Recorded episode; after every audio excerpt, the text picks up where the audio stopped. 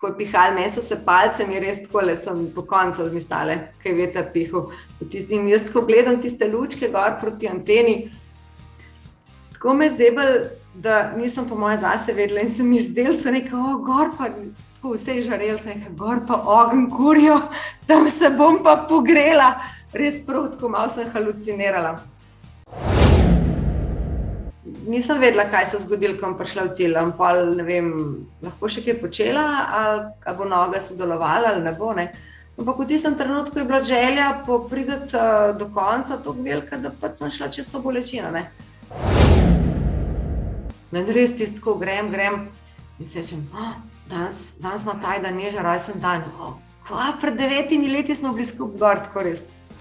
Torej sem se zjokala, ko sem jokala sem in ko sem dol hodila, tako mi je še nekaj spodrsalo, pa sem se prav ustala, se kaj, zdaj pa, zdaj pa nehi. Zdaj se pa skoncentriraj, ker moraš čez plemenice dol, ker ni tako enostavno. Ne?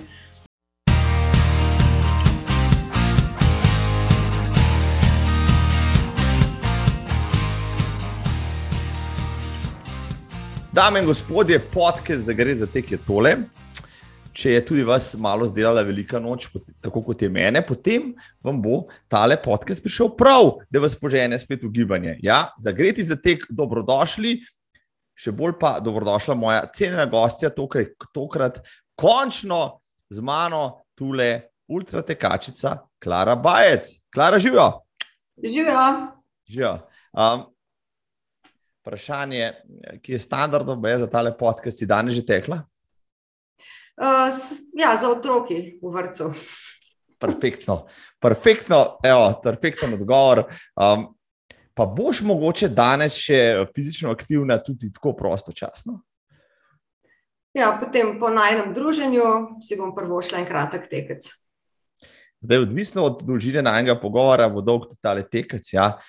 Upam, da ti uh, ga ne skrajšam prav preveč, no, vreme za tek je pravo, do noči še dolga. Uh, Um, je tek pač tvoja najljubša oblika rekreacije zadnja leta, ali še kaj drugega, mešaš zraven, da ni preveč dolg čas?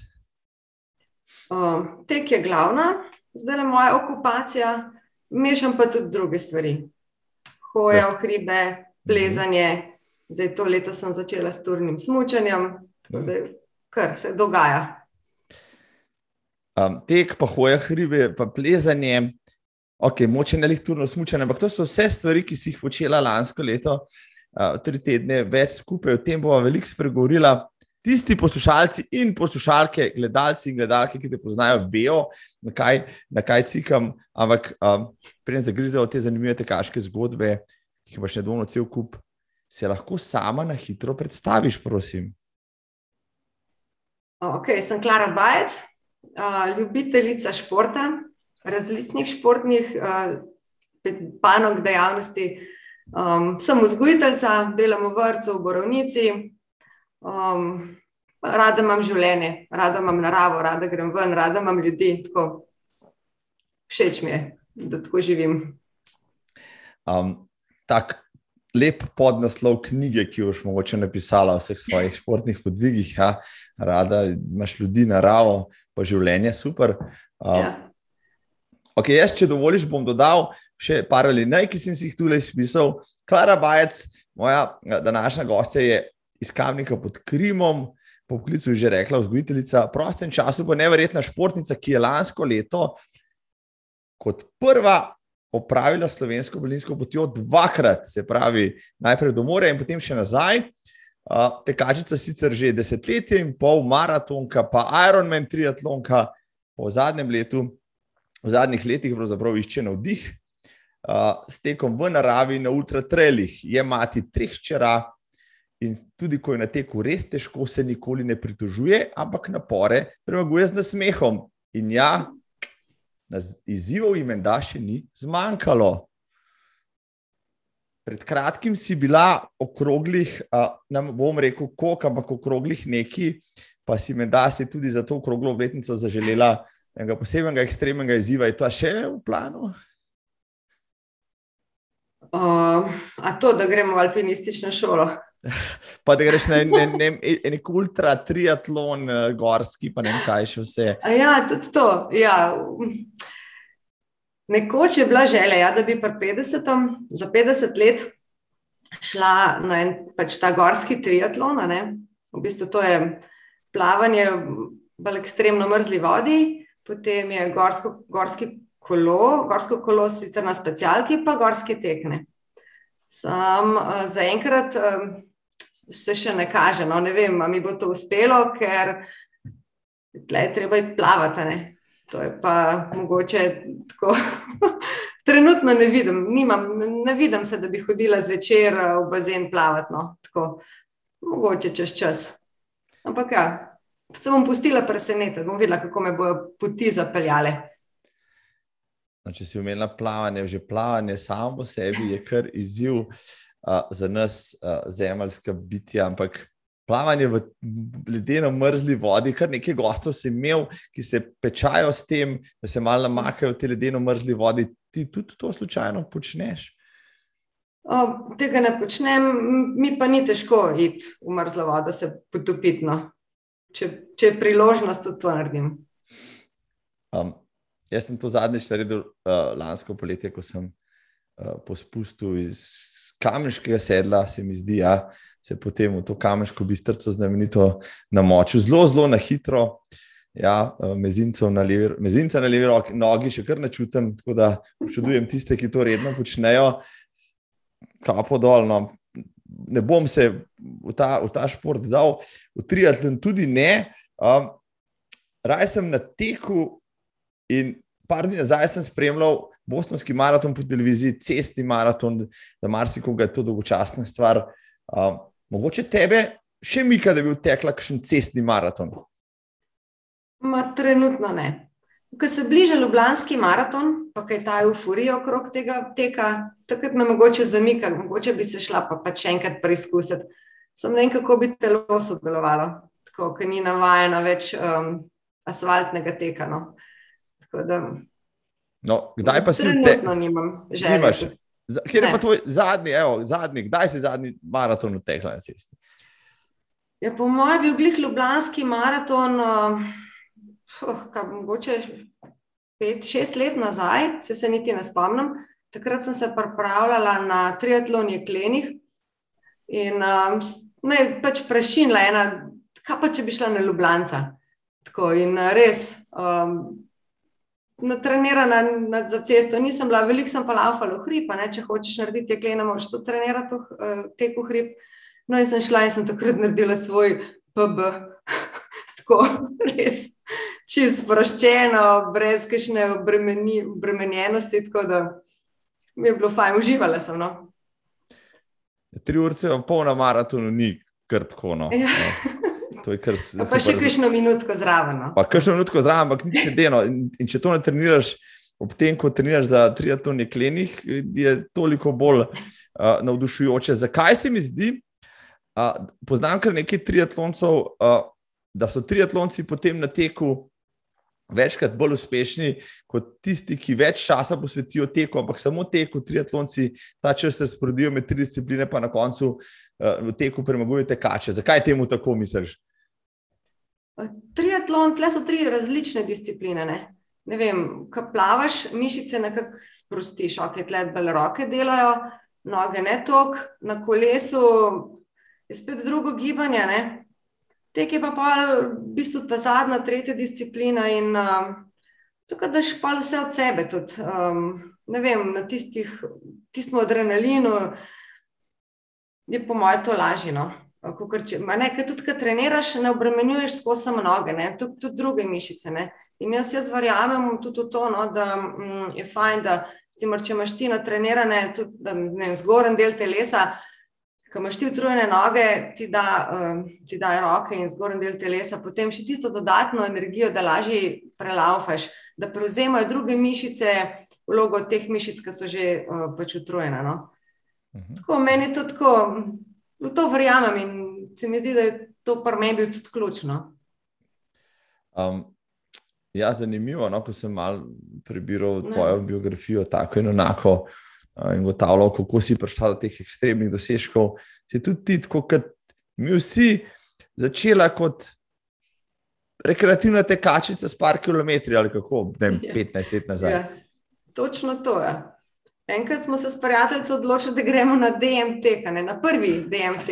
uh, takrat nas je bilo zelo malo žensk. In to so bili neki začetki, pa pa ti lokalni teki tukaj okrog kamnika pod Krimom.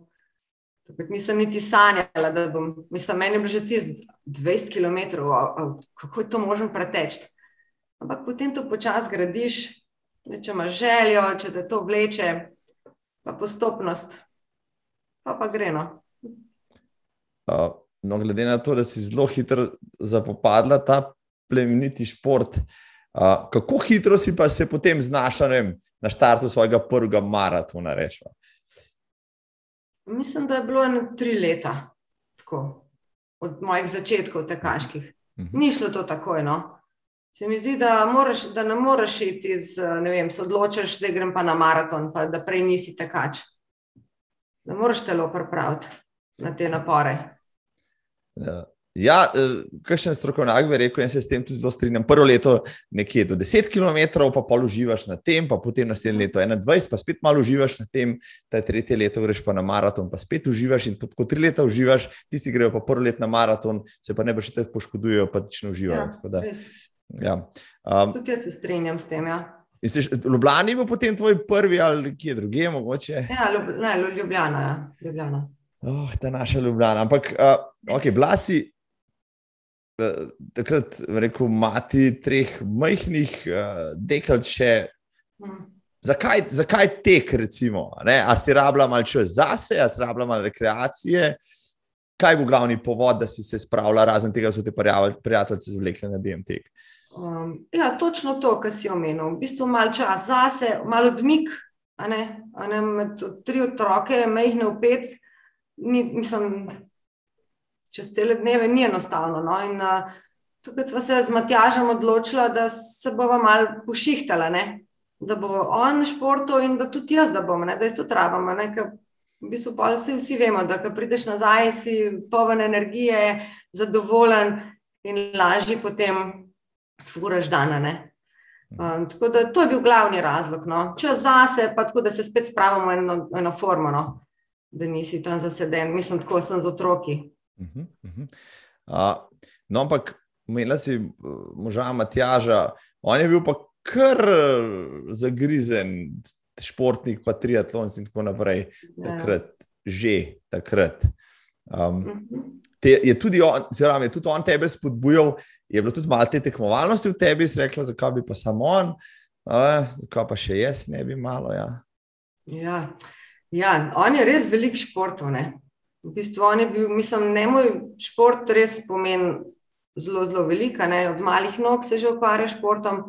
In on me je, ma, res na začetku, je veliko, je veliko lesarjev. Jaz sem pa včasih tako prav ljubosumna, zdaj on gre, jaz sem pa doma, ne? to ni fair. In pol je tudi tem botroval, tem vse, kaj škaj, lej, mislim, da si tudi jaz zaslužim.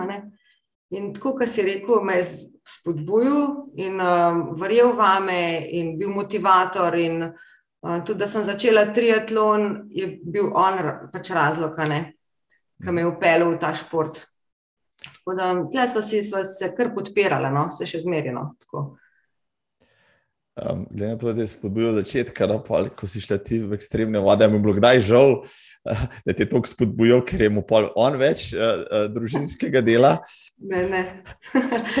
ne, ker je bil on že prej ekstremen. Ne? On je že prej vozil ta dost dirko po Sloveniji dvakrat, pa razne te brevete, ne vem, Pariz, Brest, Pariz, pa tako. To so res dolge, ekstremne kolesarske um, preizkušnje.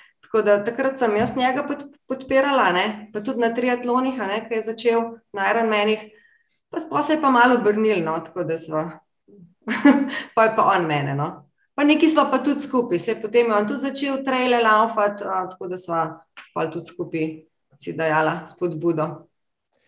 Da mi, mi zdaj to mi razloži. Recimo, začetka si tekla, trenirala 5-10, pa potem maraton. Ampak si predstavljam, ko se enkrat pa predstaviš na treniranje treh disciplin, to pa že ne moreš več početi tako, da priješ dami šihta, pa rečeš, ok, da se jim pa malo s kolesom pelati. Moraš biti pa mačken bolj or organiziran ali kako. Ja.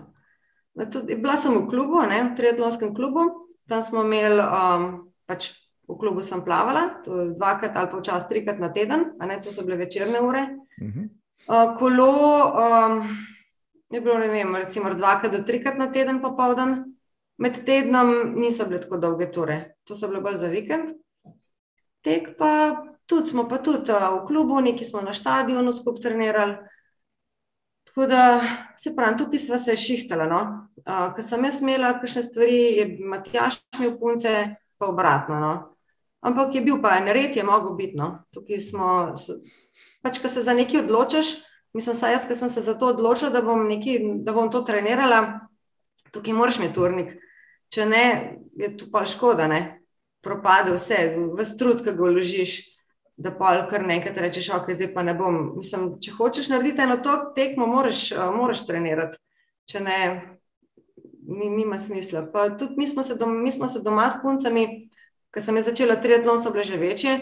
Mi smo se doma usedeli in dogovorili, ne? tako vseh pet. Jaz sem povedala, sva, kaj si želiva, um, če bo sodelovali, če bo kdaj pač tudi same doma počakale, ker naj ne bo, pa če bo vse tako ok pa smo se dogovorili in pač to je tako štimalno. In je res tako bilo, velikrat so, ko smo se, ne vem, sem poklicala, z očem bo čez pol ure doma, ste skuhali, boste skuhali makarone, res. In so skuhali makarone, ker sem prišla se stradana, tako izrakitno dol. Tako, ja, tako smo, v bistvu smo, um, skup smo živeli, živimo za ta šport, no, ki ga delamo no, vsi. Um, no, uh, če, če, če so že pri triatlonu, Um, a je, ne vem, Iron Man, ti, ti svet igral vsakega triatlonca, ki se vem, začne metati v vodo, pa, pa začne mazati zubnike. Uh, je to to, tisto, za kar ultimativno treniraš, ali bo to pri tebi tako, ali v začetku samo pač hočeš malo probati, pa videti, pa te potem potegne. Ja, mislim, če se greš uh, triatlon, je po mojem želju vsakega triatlonca, da enkrat to pravi z Iron Manom. Uh mhm. -huh. Zdaj, tis, če si zelo dober, imaš željo tudi na Havaje, ne? tam je to tisti prestiž. Sem, to se moraš kvalificirati, ne moreš, biti, uh, moreš doseči določen čas. Uh, Meni pa, um, jaz sem, mislim, Matjaš je tekmoval v Ironmanu, on je pač tudi vzdržljivc. In jaz sem um, takoj spoznala polovični Ironman, pa cel Ironman. In niti nisem nikoli razmišljala, da bi neke kratke tele triatlone tudi sama nisem tako eksplozivna, meni so zmeri te daljše razdalje bolj zanimale. No? In sem um, v bistvu, potem, ko sem začela plavati, ne, um, tekla pa kolesarila, sem tudi tako že prej. Sem nekaj nač, najprej polovični Ironman, to ja, to, da greš sem po eni stopnički, pač pa je bila pa res želja celega narediti. No. Um, kje si naredila svoj prvi prvi Iron Man, mislim, da si dva naredila ali tri. Dva, ja, dva. dva. Uh -huh. Prvega sem v Vitoriji, to je bil pa challenge, to ni bil Iron Man, to je serija. -huh. Um, to je bil pa ta pač challenge, to smo šli, družin, mislim, vse te stvari smo mi družinsko počeli. Ne? In tudi tega smo šli z avtodomom, vsi, in tam smo tudi oba tekmovali, no? punce so pa suportirale. Uh, potem sem pa še naredila v celovcu. No? tudi še enega. Mhm. Ja. Klasični celovški uh, Ironman. Ja. Ja, ker je še tako, da v ponedeljek zjutraj vsi polomljeni triatlonci čakajo v vrsti, da se jo uporabljajo za naslednjo leto. Ne vem. Takrat vem, da je to tako bilo in res. Takrat si lahko imel 500 evrov uh, in si lahko plačati za naslednji let. Res to je. Mislim, v Evropi je ne, dostopen nam, evropejcem, in pa tako, lušna, lušna, fajn tekma. Um, no, ko se pogovarjamo s fanti, pa nekateri kar veliko trenirajo. No? Uh, pa meni se zdi, recimo, že, če se tudi s tekom zelo aktivno ukvarjaš, 10 ur nekaj treninga na teden, kar velik. Uh, ampak, če se pokvarjaš s triatlonom, pa 13 za Ironman, pa meni da. 20 ur tako le, za šalo, moraš narediti. Koliko si pa ti trenirala, recimo, no, da da to mehen v kontekst, v perspektivo, koliko ur na teden je šlo, recimo, za, za trening Ironmana, ne vem, zadnjih nekaj mesecev ali pa pol leta. Leto. Um, tam od, tako, od 15 do 20 ur. To je dve uri na dan, je treba bilo kar športati. Ja. Je bilo, ja, je bilo kar treba. Mislim, da so tukaj pa vikendi so bili do, dolgi kolesija, ne? ne vem, po 6-7 ur na kolone. Uh, pa pa menjava. Ne? Ne, si naredil pet ur kolesa, si se oblekel v telovadke, ali pa celo ne, noč sem pač super gor in pač še eno pol ure ali pa eno uro odlaufati. Tako, pa se to, vikendi so bili kar, no, so bili kar tako dolgo, dolgi, no, šest, sedem ur. Tako da, ja, je, mislim, to je krasen šport. In uh, res si želim, da še kdaj še en triatlon naredim ampak zahteva pa tudi res veliko velik časa. Ne, da nisi pa na koncu čisto polomljena, ne, da prideš na kakšen cilj, tako da še pa funkcioniraš. Um, nikoli nisem eh, poskušal se v triatlonu, ampak ja, sem pa zmeraj razmišljal, pa sprašoval triatlonce, kaj je najtežje, recimo pri Ironmanu in si predstavljam, da je ti sprehod iz kolesa na tek, ko imaš betonske noge. 50 km, res najtežje ali kaj drugega. Ma tudi prehod iz vode um, na, na kolo. Ker ti si v obleki in ko ti preplavaš ven, uh mhm. -huh. moraš tisto obleko sleči. Včasih, uh, če daš pač vse od sebe na plavanju, ne, je tistih nekaj korakov, ki prideš ven tudi zelo. Tako ne veš, a hodiš po svojih nogah, a hodiš po ravnam, a hodiš po kakšnih kamnih, ki te tako zbada. Tako da oba prehoda, no? Mm, in iz kolesa na tek, in iz, pač iz plavanja na, na kolo. Ni, to je pač treba natrenirati. Ne? To je kar. Drugače pa je mogoče res težje, ne? sploh če je mraz. Um, jaz vem, da sem bila enkrat na, eno, na, enim, na enem polovičnem triatlonu. Je bil tako tak mraz, da sem jaz, jaz sploh nisem čutila ne rok, ne nog. Jaz sploh nisem vedela, ali sem si dobro nogavice obula, pa so perge. In je bilo vem, prvih 4 km, sploh nisem vedela, tako kot sem že rekla, ali laufam po nogah ali po čem. Tako da, tak ekstremne vremenski pogoji so tudi no, lahko kar potežijo no, um, šport. Kakšen pa je občutek, da mi, mi pa to razloži? Okay, predstavljam si tista urca, urca pa pol plavanja, potem se šest ur uh, poganjaš na kolesu, no pa moš odlaufati maraton. In, vem, kakšen je občutek, ko začneš ta maraton, kakšen je občutek, ne, občutek zadnjih nekaj kilometrov, že na maratonu samem, to jih imam pa do za samo, uh, so tisti kilometri neskončni, po drugi strani pa si v, napetem, veselem pričakovanju tistega cilja, pa že malo adrenalin dela. Kako je pa to pri Ironmanu, pa pri tem maratonu na Ironmanu? Ja, začetek je težek, ne? ta prehod, potem se nekako pač ulaufaš, ne pomemben je, da veliko piješ, pa ješ. Uh mhm. -huh. tukaj, um, tukaj so res geli in pa lupaš, da bo vse v redu, da te ne bo zvila, ne? da ti ne bo slabo zaradi tistega sladkorja. Pač potem, potem so pa pač borba, to je res borba. Tiste, ki veš, da sem že, tu imam že ur za sabo, ne vem, 10, 12, ne vem, 11 ur, mhm. ma tole bom pa še, ne vem, zborbala, pa ne vem, meni ni težko trpetno. Tako da, pa zmeri bil nekdo, ki me je pričakoval, ne, in sem rekel, ne ponaco, kakšni krogi, ne, na teh, na teh tekih. Um, na Ironmanu. In sem zmeri rekla, da sem tako zelo, punce so bile zmeri zraven, se je rekla, zdaj pa tam lepa me bojo tam čakale, pa ki sem jih videla, so mi dale pa spet energijo za naprej. Pa še tudi drugi prijatelji, no, ki so prišli zmeri kaj kakšni navijati.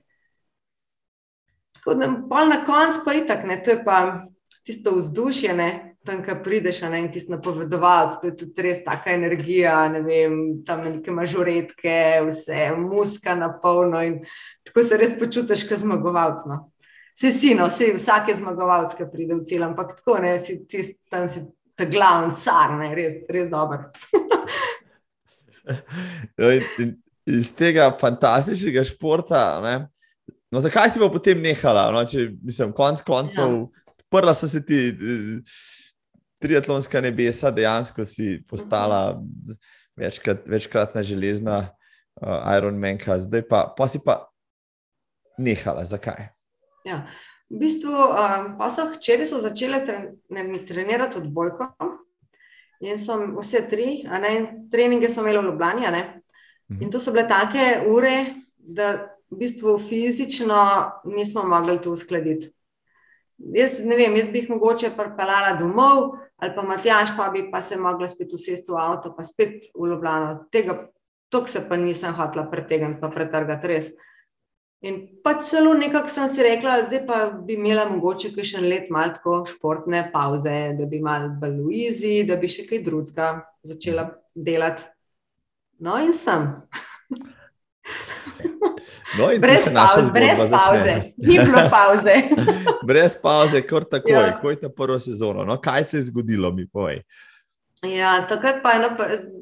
V bistvu um, so me povabili na en intervju, to so neki snemali uh, po televiziji o mamah, triatlonkah. Um, pa tako, da ima več otrok, tako sem imela pač tri, in so me enkrat neki zasnubili. In če še kakšnega poznam, ne vse, ki pa res poznam eno prijateljico, Katijo Drobež, um, mogoče bi pa še ona bila zraven, ne, v te oddaji, ki so snemali, preverjeno je bilo. No? In res, in ona je bila tudi za, in pa so mi ga malo klepetale, kaj ona počne, in je rekla, da pač laufa te traile in kako je to dobro, in me ona v bistvu navdušila. In v te trelaške vode popeljala. Tako. In sem ji res hvaležna. No, ampak kako je to izgledalo? No, jaz sem gledal malo tvoje statistiko, tam so tisti neskončni kilometri posod napisani. Pa ja, ni šla koj na ultra trail, si se najbrž poskušal v kakšni krajši razdalji ali pa si rekla, če se gremo, se gremo za res. No, tukaj sem pa tako, no, prvič na upaklenico sem šla. Mislim, da je bila takrat 40 dol, um, je bil trail na upaklenici in uh, mi je šlo super. Ne? Um, pa pa ne, sem se na Vipavo prijavila najprej na 50, ne? in pa se doma z Matjažem pogovarjava, pa tako 50, pa malo časovnico. In pa on meni reče, no, veš, kaj meni se zdi, da si pa ti sposobna tudi stotko. No, ampak in kam. Pa se nekaj, itak da sem, ne.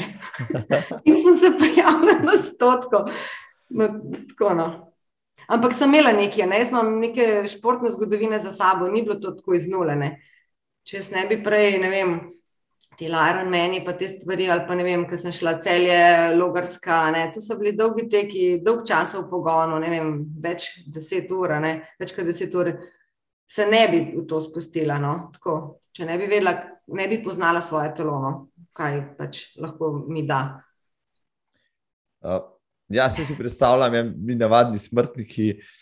Uh, če vidimo tam sto napisan, da se je strah tako, ne, do, do kosti, kako pa to izgledalo. Ti si znala že trpeti 12, 13 in več ur, uh, pa vse, najbrž ti ni bila to šala mala ali pa. Ali, Ali, ali pač, kako je izgledala pač tvoja prva stotka tam v Pavi? Ja, ki ni bila šala, strah me je bilo za znort, res ti zjutraj. Okay. Kaj, no. kako, ki pozabila, kaj v ruzak dati, vse te obvezne opreme. Ma jaz sem bila tako živčna, res. Tako, to mi je bilo še nikoli prej, res presežem. Um, ampak potem pa, pa, pa ko stopiš tam na štart, začneš, potem pač pa, pa začneš uživati. Se prepustiš, mogoče je, da par pet km si malo tako še tisto krčil, pa to sem še vedno. Se mi zdi, da ta začetna, um, začetni adrenalin, ne, pa tista negotovost, ali bo telo, telo sodelovalo, ali so mišice ok. Um, to se mi zdi, ima ena taka trema, no, taka pozitivna. In tudi, potem sem se pa, pa sem se pa predala in sem pač uživala in sem se imela res dober. Tako, in pa je tisti nanos, strašen nanos, uh, hudo burijo, mrazom, takim, je čisto neizkušena v podnanosu. Vsi so se neki oblačili. Jaz sem si pa, bila sem še v triatlonskih enih uh, hlačah, uh, tako sem kratkih, Gor sem si pa tudi eno triatlonsko, visokolesarsko jakonco vzela, pa, pa vetroko, ne, ok, pa vezno oprema in se spodam gor in pol, ker naenkrat tudi tiste lovske koče, ne, pod nami sem začel veter. Tako je pihal, meni so se palce, mi res tako le sem po koncu odmistale, kaj je veter pihal. In jaz tako gledam tiste lučke gor proti anteni, tako me zebel, da nisem po moje zase vedela in sem je nekaj, o, gor pa tako vse žarel, se je gor pa ogen kurijo, tam se bom pa pogrela, res protko, malo sem halucinirala. Res, tis, to je bil edinkrat, da mi je bilo tako res skeri. In pa sem prišla, mislim, gor sem prišla, tam pa res tako, bolnica. Vsi, bledi. Že v lovski koči je bilo hodil, tam pa še hujše. Jaz sem se sam nekaj, sem nekaj, jaz sem hitro se poberal, tle ne gledajte ljudi. Zavila sem se v folijo, tako okrog in v bistvu pod majico, skoraj na golo kožo. Folijo do gležnjo mi je segala, pa sem čez sem se oblekla, pa tisto, kar sem imela in sem šla in po 15 minutah mi je ratalo toplo. No. Tako da folijo, nujno sabo, vedno. Astrofolija. Astrofolija, to je, rešuje življenje. No. Prav. Pač pa sem šla v cilj in ne, tako sem pač zmagala. Reš na stotko zmagaš, mislim, kaj pa je tvoja usoda, da hodiš na daljne stotke, pa zmaguješ. Kar nekaj, ja, koliko ne, imaš zdaj za sabo? Stotk, sto milk, koliko imaš tega? Ma. Sploh točno ne vem, jaz te stvari tako pozabim, res. Imam dve milje, sem naredila. Um, naredila sem dud, takrat pa enkrat sem pa istro, Enkrat sem pa isto odstopljeno. Mm, tako da um, ti smo po parih, ne vem, po nekih 25 km, me je neki želodec mi odpovedal. Tako da, ja, pa sem na orhidejah, sem bila v Italiji, uh, Vipavo dvakrat, pod Brdo dvakrat. Um, Ne vem, še kaj, mogoče ti še več veš. Pohor je sigurno.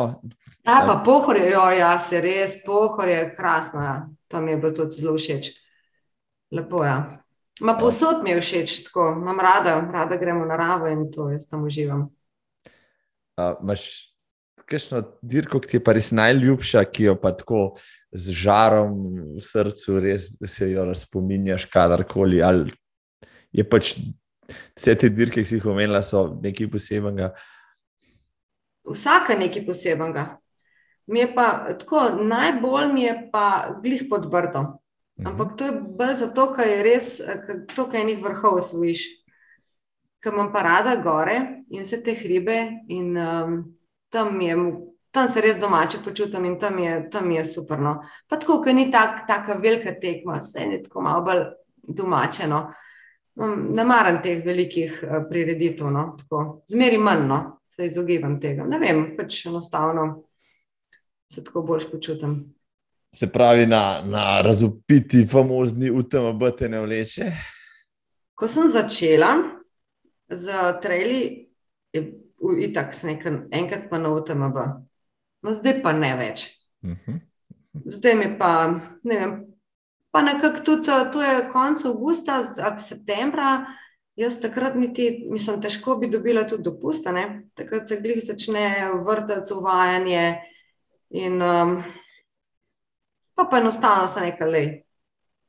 Noč hodga, se veliko drugih lepih tekem, noč hodga, če nekam pač ne greš.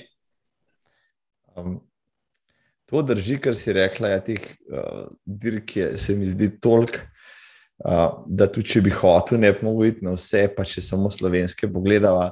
Ja. Uh, Máš kakšno željo, v Sloveniji še kakšno res, ne vem, K24, pa ne vem, v Zasavju se zadeve delajo, na Dolenskem se delajo, vse bo vse se nekaj dela. No. Máš kakšno obkroženo na, na bucket listi, da jo moraš še podelati, pa ti do zdaj še ni uspel? Um, zdaj trenutno nimam neke želje po kakšnih tekmah. Uh -huh. um, K24 sem naredila tako solo, uh -huh. uh, sem ga šla pač uh, laufati. Da bi šla pa prav na tekmo, pa Zdaj, letos nimam neke ni, tekme, ne, no. Ne, nikoli pa se ne ve. Lahko me pa nekaj prešine, nekaj vidim, nekaj tasga. No, tukaj moram reči, da med tukaj nekaj, ki piše, ne vem, ekstremno ali pa to, me, to mi da pa malo tiste. To, to imam rada. Dobro, ja, zdaj, dragi organizatori, ultra dirkten zunaj, veste, kot je dobro. Klaro vajec je težko da videti na dirko, ampak ima pa tudi ona uh, nekaj mehko točko, evo, ek, napišite zraven. Ekstra, ekstremno, pa se uvarjala. okay, če, če bi ti rekel, primerjavo vem, hrvaških, vem, istre, dalmacije, pa slovenskih trelov, je kakšna razlika? vem, v samem pokrajini, v, samem, v samih vem, filozofiji dirkanja, ali je pač različice pač ist, eno in istega kovanca. Ma, tukaj je terena, ne? Ja, največ stvari, mislim, največ tekme po, po terenu, ne, po konfiguracijah razlikujejo. Uh Mhm. -huh. jaz, um, jaz grem na tekmo, ok, eni tudi, ne vem, ukrepčevalnice, um, pa so različno, različno založene. Ampak jaz tukaj izmeri pravim, ne vem, jaz imam na hrbniku vedno vse, kar rabim. Uh, nikoli se ne zanašam na kakšne te, ne, um, ukrepčevalnice. Včasih pa pride, da, pa, da mi pa nič ne paše, ne pa fajn, da imaš nekaj na hrbniku. Ne, dobro, ok, voda, pa to, ne, to pač uh, si dotakaš, ampak drugače pa nisem se nikoli uh, tako ukvarjala, vem, da bi mi bilo to zelo pomembno. Um, res pa imam tudi srečo, da lahko kar marsikaj pojema, ne, da nimam m, težav z želodcem. Kakšno vročina me zdela, no? če je zelo vroče, to je pa recimo te dalmatinske tekme.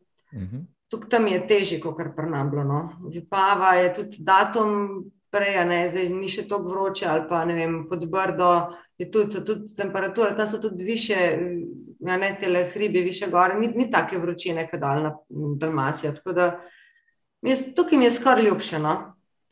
Prnam. Ali pa se pravim, tudi v Italiji, tam, ko sem bila na teh orhidejah, ne, tam mi je bilo tudi všeč. Rajš imam hladnejše temperature, no. tudi zimo pa tako. Uh, tudi zimo, pa zimske vzpone, pa zimsko plezanje. Pa neke fotke sem mimo grede opazil ja, na tvojih profilih socialnih omrežij, da je bilo veliko beline, veliko snega, tudi kakšen cepin, pa čelade. To ti je umiljen šport po zimi. Ja, ja, ja, ja. rada imam, rada imam te stvari. Uh, dobro, tu sem začela dve leti nazaj, to je tudi malo odvisno od družbe. Um, ko imaš take prijatelje, ki to grejo, pa meni pač imam rada take malo bolj ekstremne stvari, se rada kaj, kakšne nove stvari preizkusim, tako da to mi ni težko, če mi kdo reče, da ja, grem, pet grem, skratka, božila, kako je dober, sem takoj za stvar. tako da ja, imam rada, imam zimo, rada grem tako tudi cepini, dereze, mm, to je poseben adrenalin, ker tako pa dol med noge pogledaš, pa ni nič tam spodaj. ja. Samo belina, samo belina, kamor si že Ja. oko. Ja. In potem ja, zgubiš cepin, pa ga najdeš čez deset let, recimo, ja, ko sneg odleze. Um, ampak, če se vrnemo k letnim, letnim športom. Uh, Dobro leto nazaj sem gostil Petro Vladimirov, ki je iz tiste svoje euforije 233 km dirke v Andori naredila križno uspešnico. Uh, ti si bila tudi ena tistih, ki se je potem pa javila na to dirko, ali, bil, ali bila njena knjiga moče povod. Ali... Ja, ja, njena knjiga. Bila sem na predstavitvi njene knjige in me tako navdu, sta me navdušili, obe, ne. In sem jo prebrala in se nekaj, tole si pa jaz tudi želim. No. It. Potem je bila pa že odpovedana. No. Ampak nič hudega, se mi pa zgodil kaj drugega. No, in to je, evo, zdaj sem prišla do, do, do, do tistega, s čimer sem tudi že prej malo mal praskala, pa začenjala tale pogovor. Če je euforija ne podpadla, bi, bi se podila po Andori, kakšen teden skup. Um, tako pa si rekla, zdaj kam pa, kam pa z vsem tem časom, pa pripravljenostjo tistega leta 2020. Ja? Koronsko leto je bilo to, ja? dirke so tako odpadale, vse v vrsti. No, in potem. Ja, res je, jaz sem bila tako dobro natrenirana. Um, res sem veliko časa posvetila pripravam na to tekmo. Potem pa, tako kot si omenil, korona, vrtec se je zaprl, bila sem doma, res sem imela ogromen časa. Živim v enem okolišu, tle okrog Krima, imam nešteto možnosti in nešteto potk za, za raziskovati. In res, mm, ma, tako, ogromen časa sem preživela zunaj, v, hrib, v hribu, tle na, na Krimu in okolici, in sem se res dobro pripravljena. Tako, takrat sem začela z Barbaro Joličevo sodelovati in um, mi je ona lepo predpisovala treninge. Jaz sem naredila vse sto procentno, mogoče še kaj več, ne se pravi, je bil, je bilo, veliko časa je bilo, od službe nisem bila utrujena. Ne. Res sem se posvetila sama sebi, lahko res maksimalno in več pa je bila ideja SPP. In spelo je. No, to si tako enostavno povedala. Ja. Spelo je. Ja. Sej, Vem, leto 2020 je bilo res zanimivo. Vsi smo rinili nekam v hribe, pa laufali smo, vsaj tisti, ki smo bili prej nekaj tega vajeni, eni boljše, ker prej, eni malo manj. Uh, SPP, Slovenska Blinska pot je bila zelo popularna, ne vem, nešteto, skoraj ducat ljudi uh, je šlo to delati v kosu, um, med njimi tudi ti. No, ampak kdo je že zapisal leta nazaj, da, je, da se SPP uh, tekaške in pohodne različice loči po tem, da jo moraš, če hočeš pisati pod tekaško zadevo, narediti manj kot 14 dneh. Ja. Ne, tebi ni samo uspelo, tebi je še ostalci okupenega cajta, če smo že pri tem. Deset dni pa pol, halo, noro. To mislim, ker sem se jaz to odločila, ne? najprej rečeš, ok, 14 dni, ne. Potem pa vidiš, kako potekajo treningi, da ti gre dobro, si narediš neko časovnico. Ne? Jaz sem si naredila plan. Jaz sem šla tako prav po knjigci, sem se izpisala, sem si ne vem, um, vem hribe, koče, kilometre, koliko je od ene do druge, um, te razdalje. In pač pa sem nekako, um, v bistvu sem tako mesece s tem živela in se organizirala. Nisem, jaz si ne bi dovolila ena tako stvar, um, tako da bi bila natrenirana, pa šla, pa kar bo bo. To ne, jaz imam rada te stvari, vsem tako malo pod kontrolo. In sem si tudi, uh, poleg tega, tudi ogledala teren, skoraj celo SPP sem naredila že prej, med, na treningih.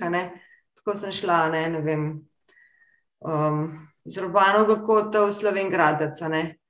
Um, pa vse te hribe, ne samo prehodila. Tako da nisem hotela prepustiti nič na ključju. No. Um, se mi zdi, da, da mi je to zelo pomagalo no, pri uspehu na koncu. Tako da to, se pravi, pa sem pa se nekaj 12 dni. Ne. To se mi je zdelo tako, ej, če, to, če mi to rata, bom res, res zadovoljna.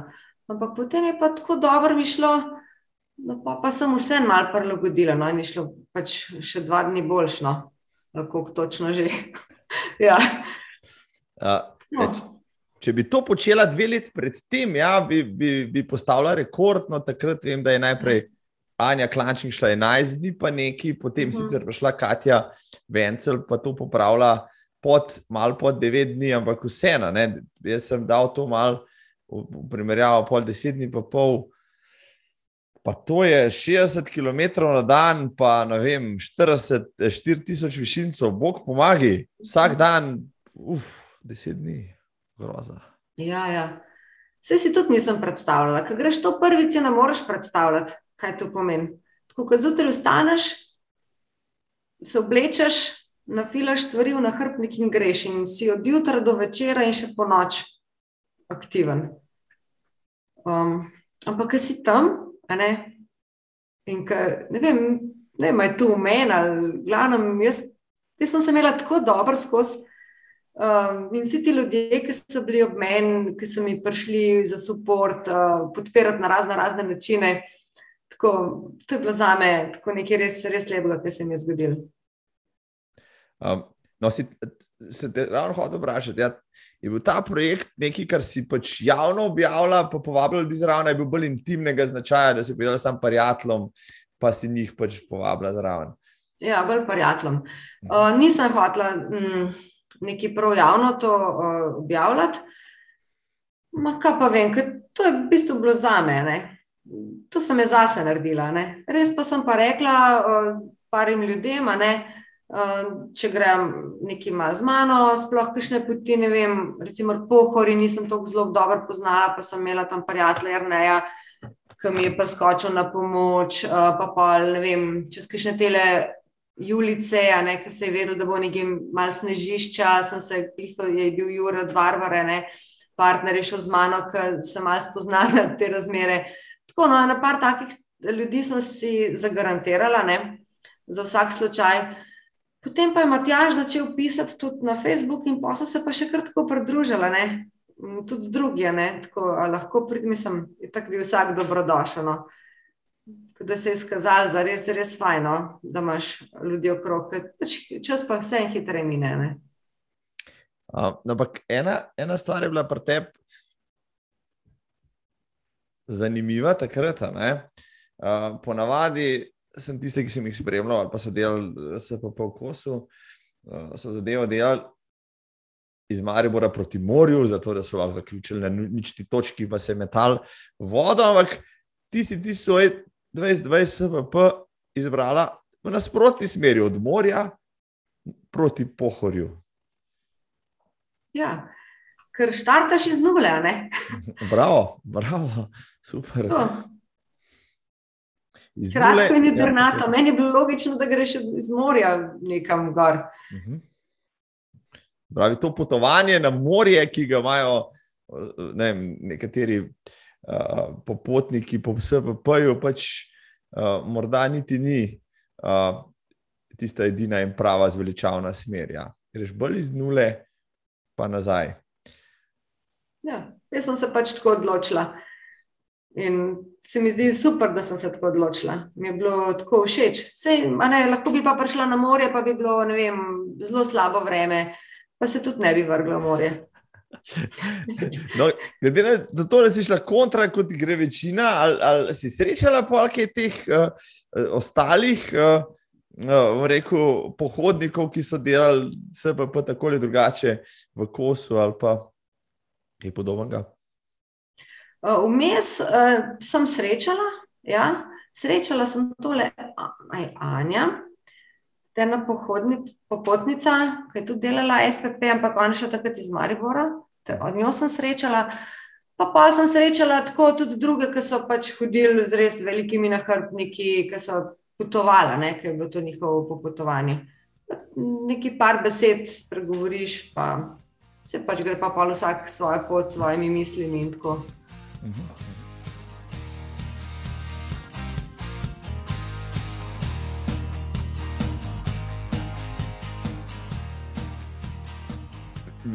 uh, sem se pogovarjal z ljudmi, ki so to le delali, se pa, pa tudi na tem podkastu. Uh, potem človek vprašaš, ok, nekaj je trening za nek maraton, nekaj je trening za stotko.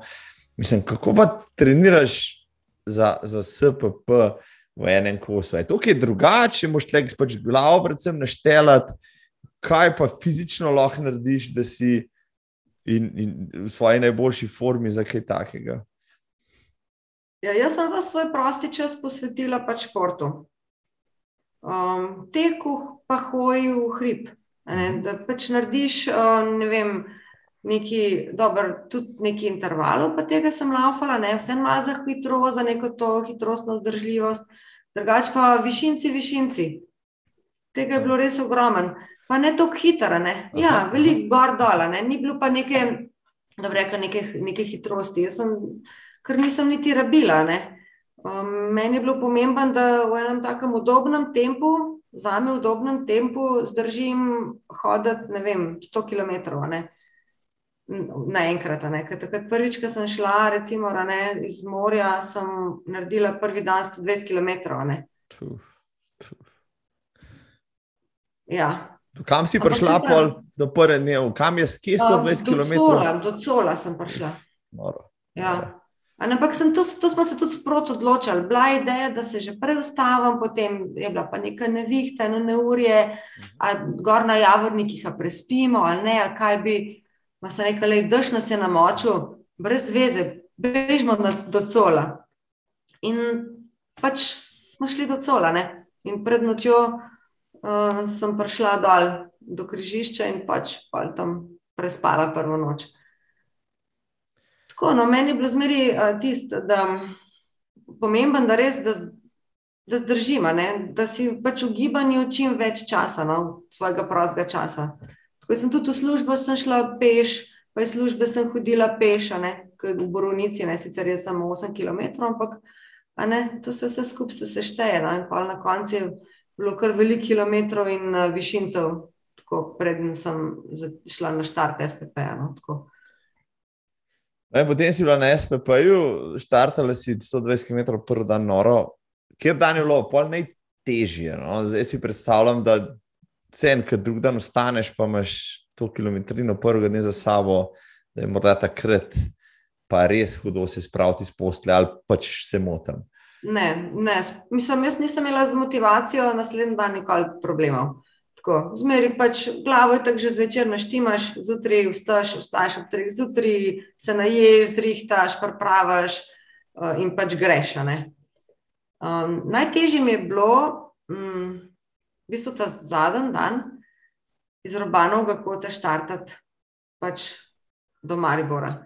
Mhm. Ker en dan prej čez Kamniške um, je bila dolga je bila in sem si malo mišico poškodovala.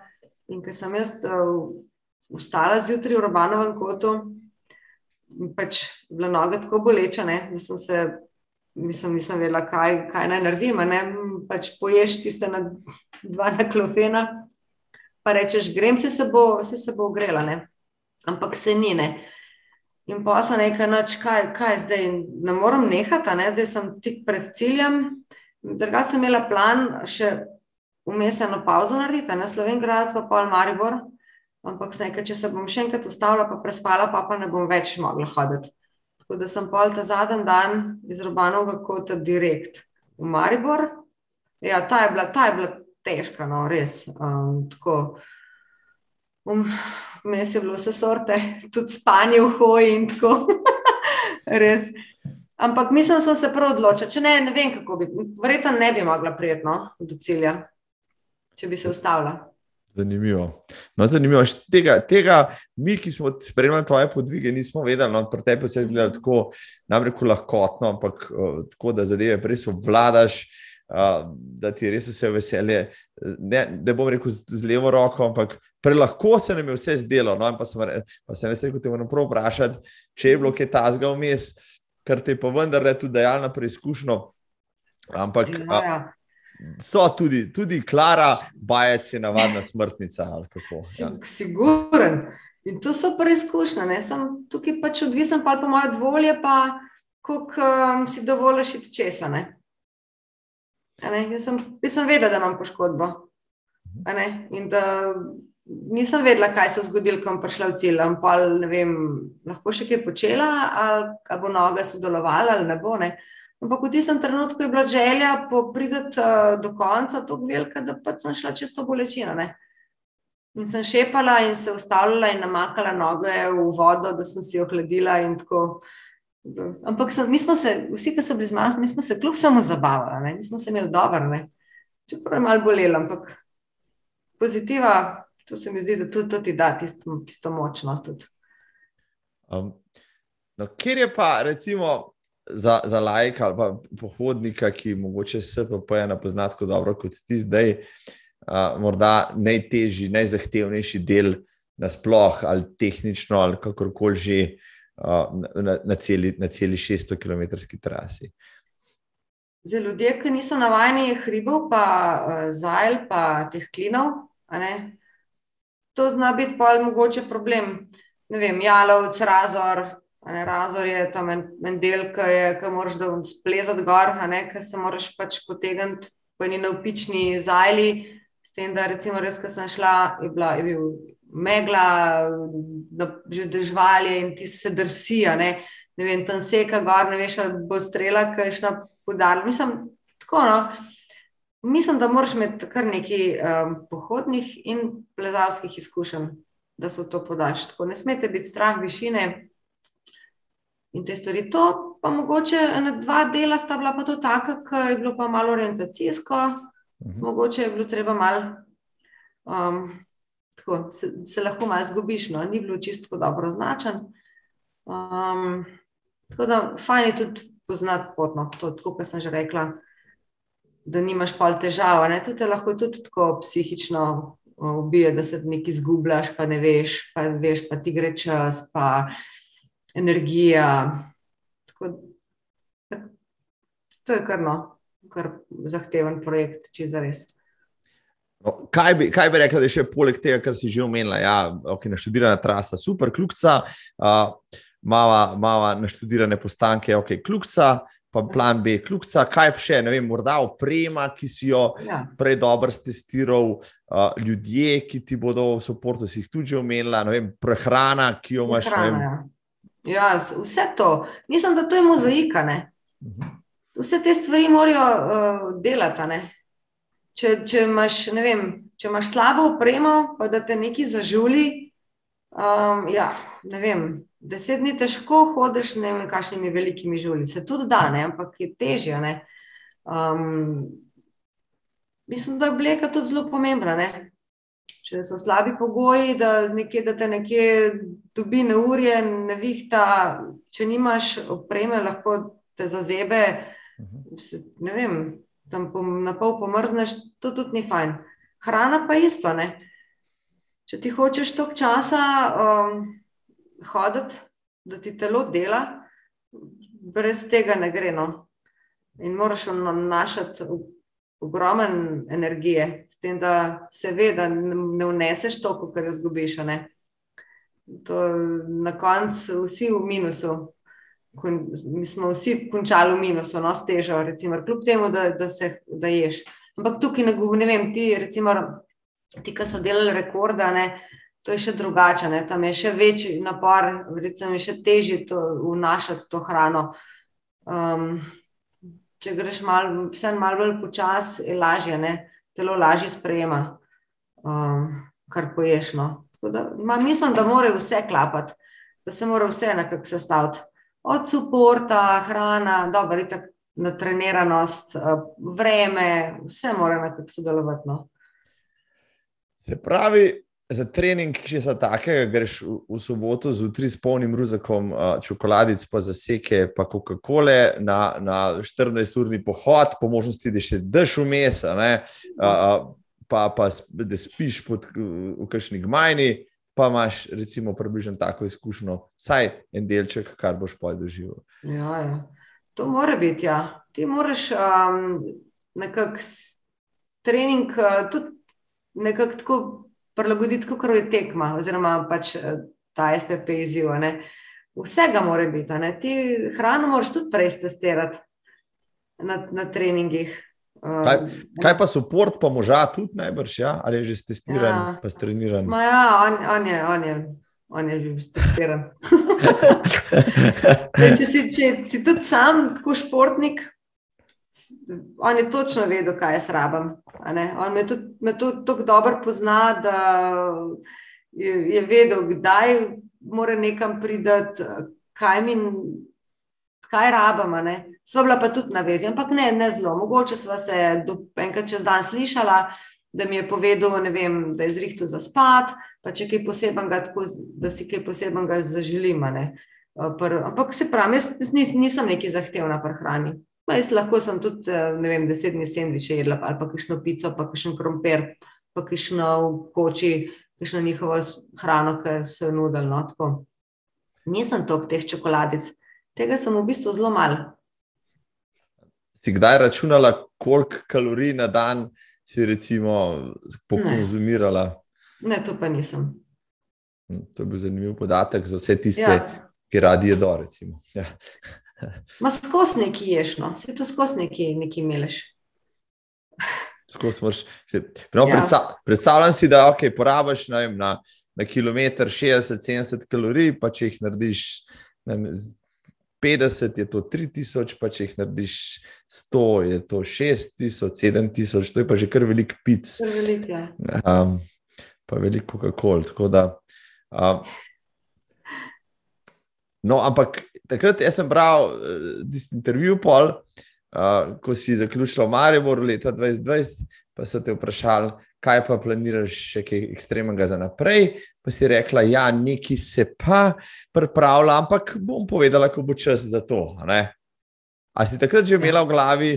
Hm, tole je bilo čisto lahko, se kva ne bi to naredila, počela še malce časa. Joj, jaz, ki sem se spuščala v Maribor, pa tista, ki me tista noga bolela, ne vem, se sem pa se nekaj se ne mogoče že malo zameglila, ampak tako sem, sem a ne, pa pa na koncu zadnjih 15 minut, tako res euforija, ne, si rečem, o, zdaj pa konc. Ko mi sem čakala, da bom videla vse ljudi, domače, starše, hčere in tako. Se, me pa prav zanima, kako bi pa oni tako reagirali, če bi jaz rekel, kaj pa če gremo zdaj še nazaj. Tako, to se mi je v glavi plepel. In pač to je pa ker sem malo vse prišla, ker sem se malo uh, pomogla. Tako sem se pa tudi z Matjažem pogovarjala, on me je tudi vprašal, kakšne imam kaj plane. In je v bistvu on tudi tako rekel, veš, kaj bi bila fora, ne? Fora bi bila, da bi šla tja in nazaj. Se kaj, kako zvedo, da se tudi meni to plete po glavi. Če pač pa sem, pa to nekaj časa zorel, pa sem to Barbari povedala, no in tako sem navdušena. Ja, ja, dajmo, dajmo, dajmo narediti ta projekt. In evo, in smo ga naredili. No, in, in ne, 22. julij je bil 12. julij uh, 2021, ko si pa zdaj stala po Mariboru, ne, na štartu ja. dvojnega SPP-ja, mislim, okay, to pa ni več mači kašelj. Če se vsem, kar so zdaj povedali, tudi ni, ampak vsem, to pa res še nihče ni niti poskušal, niti naredil. Kakšni so bili takrat tvoji občutki? Evo? Tlele moram priznati, da mi je bilo tako, mi je bilo fajn, um, da se pa, pač podam pa v neki, ki še ni nobeda naredil. Tako, mi, to me je me tako mal drivalo. Sem si rekel, če mi pa to rata, tako, pa ne zato, da bi se neki, na nekih pol teh uh, slavah neki, žela neke slave ali karkoli, ampak tako zase tudi. Ne, mm, nisem vedela, v kaj se podajam. Uh, naredila sem si plan, ne tako natančen, ker tukaj je pač uh, vsem pol daljša pot. Uh mhm. -huh. Rekla sem, ok, en dan, dva dni v eno smer, daljši čas, ne, da podaljšam, pa da pač to ratano. Se pa se je nekako tudi tako išlo, ne? 24 dni, ne? 12 dni pa nekaj uh, na, uh, v eno smer. Reč pa začetek ni bil najbolj obetaven. Jaz sem že kmalo na začetku stopila na eno deblo na poti in v bistvu me izpodrsala in sem padla na mišico, na stegen, tako na stran. Ampak takrat je bilo v redu, mišica je bila ogreta, ampak pa naslednji dan, ko sem pa štartala, me je pa tako bolela, da nisem mogla navzdol hoditi. Tako da sem nisem vedela, da bi šla kar rikverc, in me je tako, ti smo je psihično me je kar tako uh, ubil. On tam je šel pač vane, kraj z mano, on je tudi eh, šel pol SPP na redu. Sem, nisem vedela, kaj naj se nekaj. Je rekel, iš ima meni povoj, a si još povila. In res, jaz sem si pa tisto nogo povijala, tako da sem si jo malo stisnila na mišico. Oh, te, ne, tri dni je trajalo, tisti je bilo tako, kar mm, psihično res kar naporen mi. Sicer sem nekako verjela, da bo minila, ne, in na srečo je pač sem tako močno verjela, da je minil. Ko je pa tisti minil, pa sem me pa nekaj še želodec zvil, ne?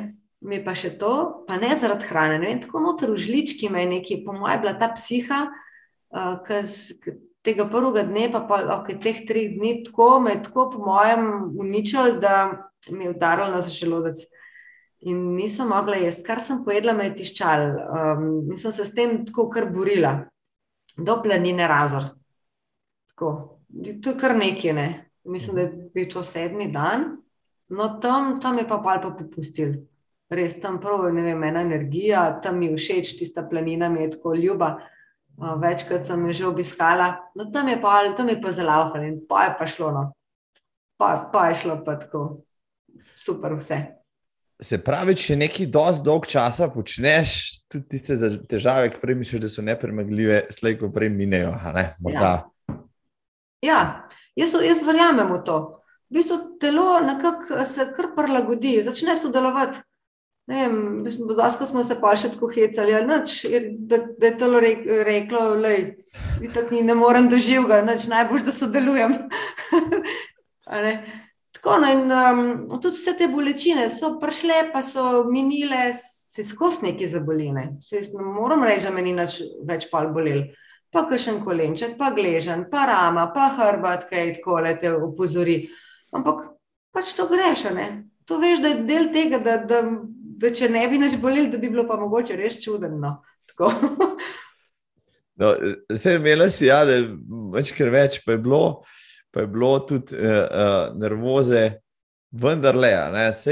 Ja. Tle, da, da ti zadeva ne uspe, je bilo bistveno več verjetnosti, kot pa leto predtem.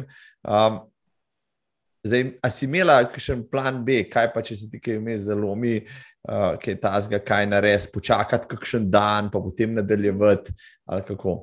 Ja, tako sem rekla. pač uh, rekla sem si, naredila bom, ne? če ne v kosu, bom pa odnehala, pa čez 14 dni, od tam, ki sem nehala, nadaljevala. Mhm. To pa sem, to je bil pa tak drugi plan. Uh, ali pa če bi, um, ne vem, mogla za kakšen dan ali pa dva nekje zaradi res hudega vremena, da bi bilo res slabo počakati, bi pa tudi počakala. No? Tukaj sem imela nek manevrski prostor, sem si pač toliko dopusta vzela, da bi lahko uh, malo tukaj skompenzirala no, s tem. Ker tukaj se pravi, jaz sem, nisem dobila, ne vem, toliko in toliko dni dopusta in tle noč sem mogla stlačati ta SPP. Ne. Tako da mogoče me je to še najbolj tako tudi žralo. Ne. Če mi ne bo v ta pravem času uspel, kako pa to vsem dokončati. No.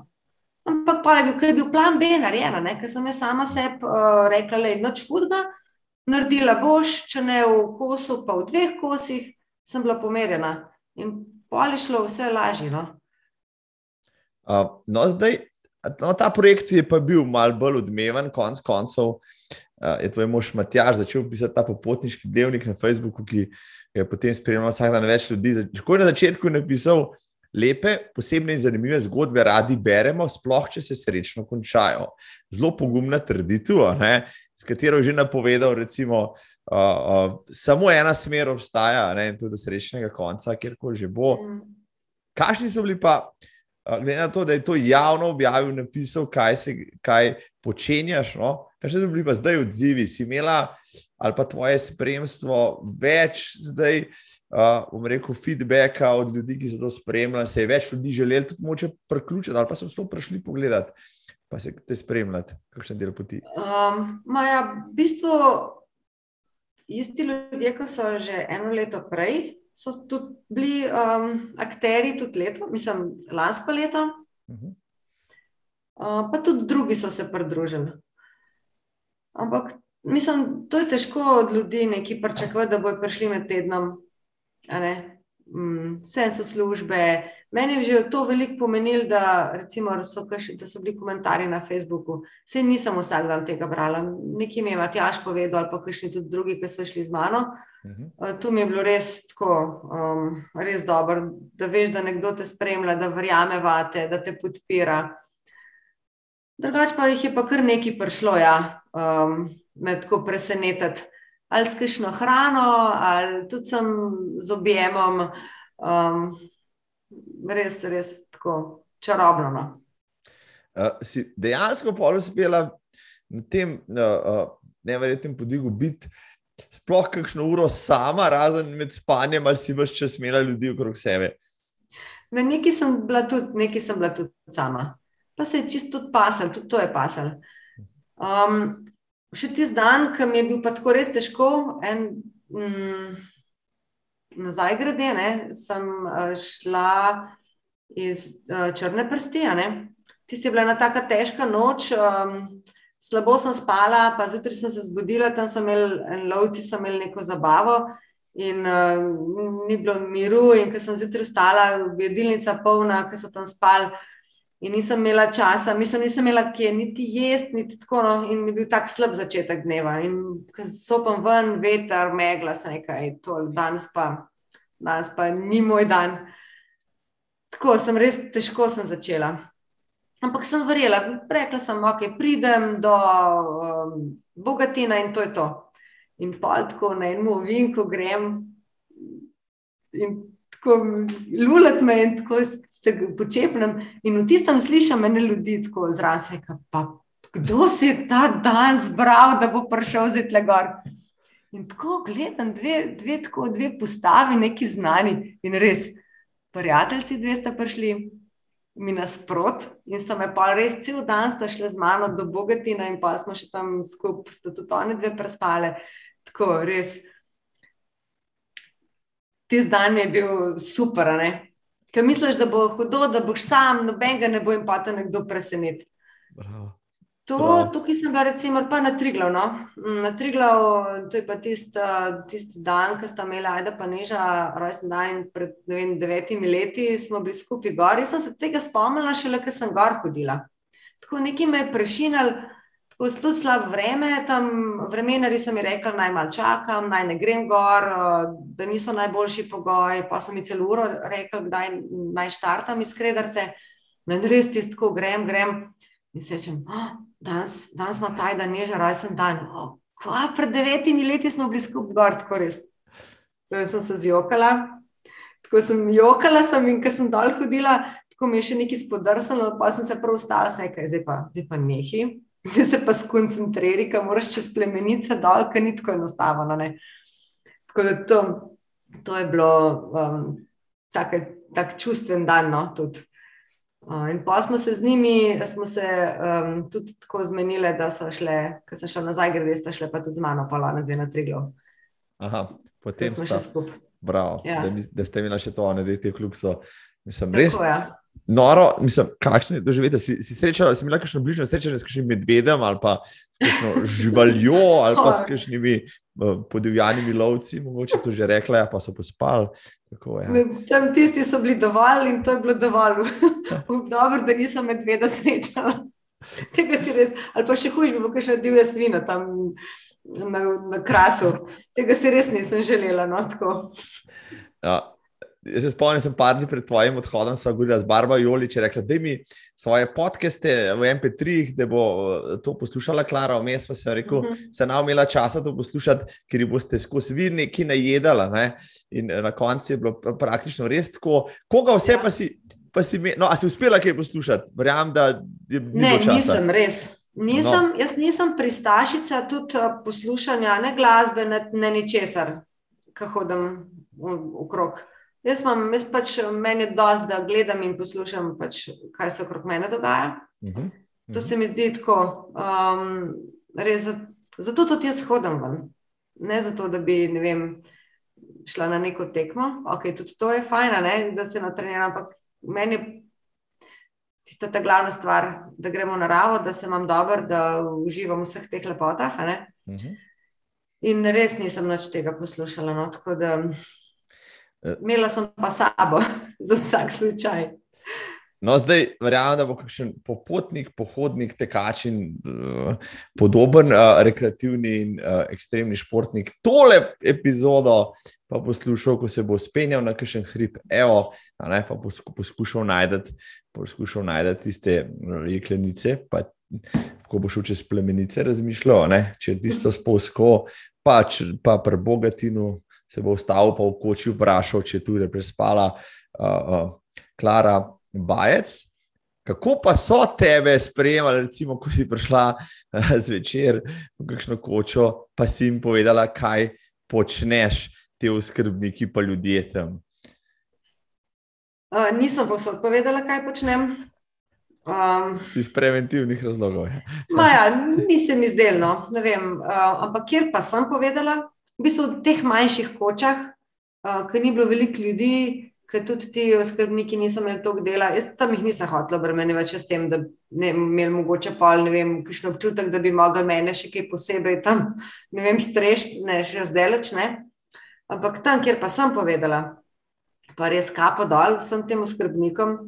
Vsi so mi omogočili, da sem se umila, stuširala, brisačo dal, uh, tudi uh, tako, niso mi računali prenočišča, pa tudi se nekaj, dajte, to je pač vas zaslužek. Jaz uh, sem tako, kot pač navaden pohodnik, a ne, nič posebenega.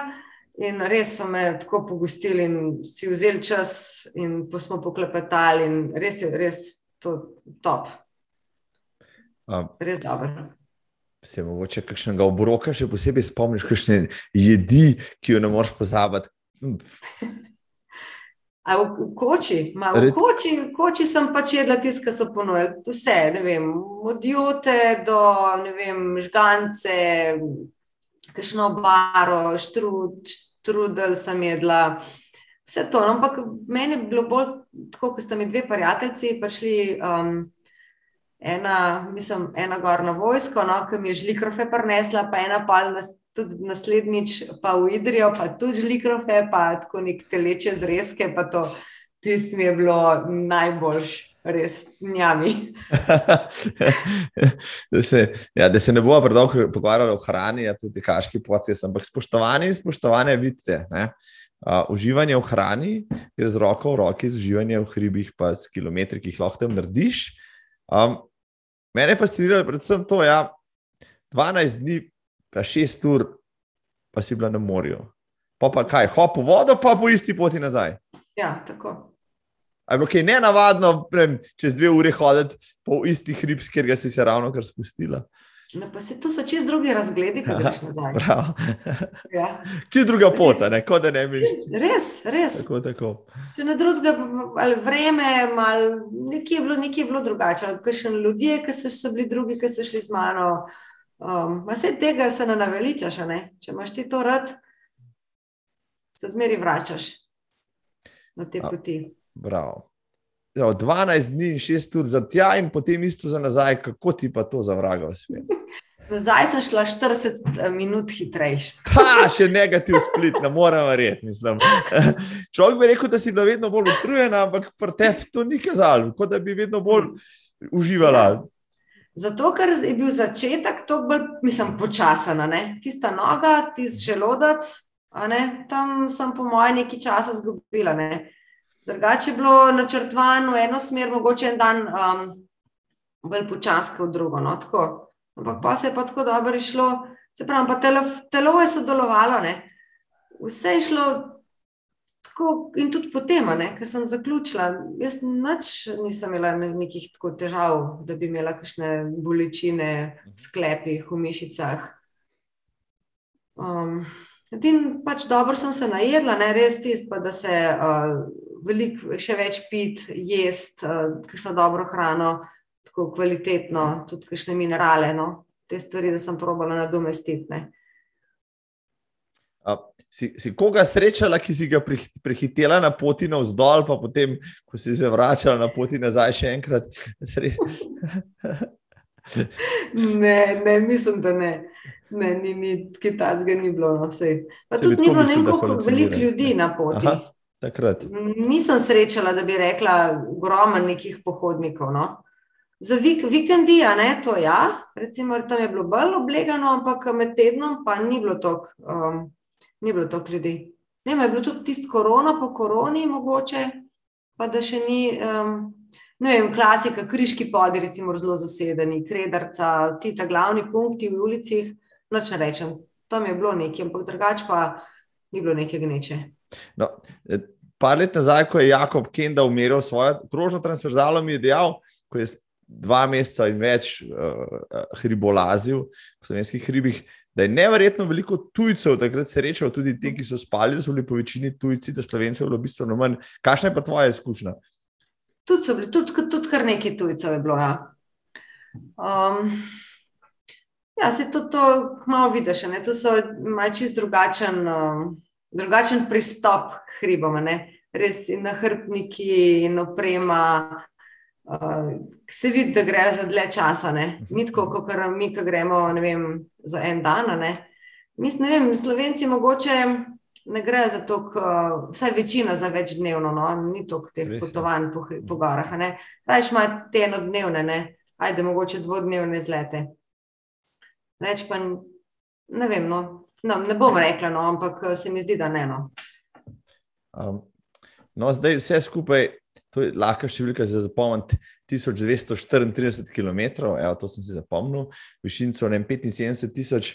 Um, koliko parov, čevljev, pa katerih si znucala na tej poti? Ja, imela sem pet parov čevljev, ki sem jih menjala. Imela sem pač hribovske, malo bolj tako na pol super, na pol gor, uh, gojzer, mhm. te so dla sportive, pa pa nekaj pa hoke sem imela, pa on. Ne hoke sem imela za v terenu, ne vem, ko je bila, ne vem, bolj tako ravna, pa asfaltna podlaga, ki je bilo več tega, ki so bolj blažene, pa onke tudi, drugače sem pa večinoma na sportivah. Um, temi paše na nogo, nimam nikoli nobenih Mislim, vse, se tudi dru, z drugimi nimam težave, nimam žulov, na srečo. Nisem imela tudi enega žula, nisem dobila. No. Vseh na, na to prvo SPP, niti zdaj v no, obe smeri. To, to, to je tudi sreča, mogoče z, nog, z nogami. Sem, kako ti to uspe, jaz se požulim, če grem laufa 20 km, recimo, ne, če dam nekaj copate gor ali pa uh, kar kože. Kako ti ratal 1200 km na res brez ja. enega žulja? Mislim, imaš kakšne posebne nogavice, ja. pos se mažeš, kaj posebej. Mm. Povej mi, kaj je tvoja mhm. skrivnost. Ja. Imam nogavice, Marino, to res, samo te nogavice sem uporabljala. Um, imela sem vedno septal kremo za noge, to je ta za krave vimena, krema, uh, da pač namažeš prste. Pa um, imela sem sabo tudi puder, ker recimo, če imaš mokre noge ne, in potem koža na nogah se naguba in taka nagubana mehka koža, če potem ti drsaš med sabo, nastane žul. Če pa ti s pudrom posipaš prste, jo pa to, ki sušiš in potem, če namažeš, to deluje. No? Meni men, za me je to formula. No? Tako da to imam zmeraj sabo, v eni, v eni mehki posodici kremo, pa puder, otroški baby. In to je to. Baby puder, krema za vimena. Pa, pa neko, neko, neko, neki za, po, po, da se obrišeš, ne, no, ne vem, eno mehko brisačko. No. No, to. To, rajš imaš nekaj malo več v nahrbniku, pa si brez žula, kot da, da te to pač uvira. Um, Mislim, ja, to, to so male skrivnosti velikih mojstrov, bi lahko rekli. Ja. Ja, ker mrzkašnega so že ostavili žuli na nekakšnih krajših zadevah. Evo, zdaj, to je bilo zdaj zelo zanimivo, sem si zapisal. Um, daj, mi, daj mi še povej, um, okay, to je prvi teden, drugi teden, tretji teden. Kdaj si pa, recimo, bila pa zdaj, že prepričana in se vedela, da mi je pa res uspel. Mes, recimo, najbrž si imela še veliko velik preizkušenj, ampak vem, prvi, peti, deseti, petnajsti dan. Ampak kdaj ti je bilo pa, da si imel po glavi, zdaj mi pa ne more spodleteti. Se vem, marsikaj se lahko zgodi, ampak takrat, kdaj si pa videla cilj kot fiksen. Tega si nisem upala mhm. um, reči. Tako res, ok, ajde, pohorje. Na pohorju se nekaj, tudi če grem po vseh štirih. No, se bom že prevlekla nazaj do konca. Ampak ki je tako nepredvidljivo, no, res. Ne vem, tam po grebenu, v kamniških, sva z Juretom najna taka sodra dobila, tam, ki sta se spuščala robano, kot to je, v bistvu sva po hudurniku dol lezla. Ne. Nikoli ne veš. Res, moraš biti fokusiran in misliti na, na etapni cilj. No. Da si kratkoročne cilje zadajati in jih osvojiti in potem naprej. No. Pa to, ne, tukaj nisem SPP, tukaj so tudi tekme. Mhm. Tako se mi zdi, da to je zelo pomembno, da ni, ne vidiš končnega cilja, ampak etapne, da si zadaš. No, tisti posnetek, ko, spa, priš, ko si prišla na cilj, no, tam si pa delovala nevrjetno sveže, kot da bi lahko obrnila, pa res še enkrat šla nazaj. No. Ja, Zdaj, okay, je bil to adrenalin ali, ali, se, ali ti je bilo res tako dobro, da si to utrujeno sproti predelovala? Ja, res. No, mislim, mene na koncu ni nič, ni, nič me ni bolelo. Jaz sem na vzdolj še zmeraj lahko tekla iz pohorja. Um, tako, no, sem, pa včasih si res rečem, ja, ne vem, telo res sodeluje. Ne?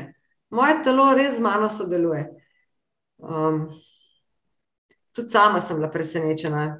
V bistvu, skoraj vsak dan, ko sem se zbudila, ko sem si rekla, v redu, lej, vem, pet minut, malo tiste trde kolenčka, noge, da se malo zalafa, malo sem se tako lepo pomasirala, dobro sem se najedla in vem, in sem šla in je bilo takoj ok. Da.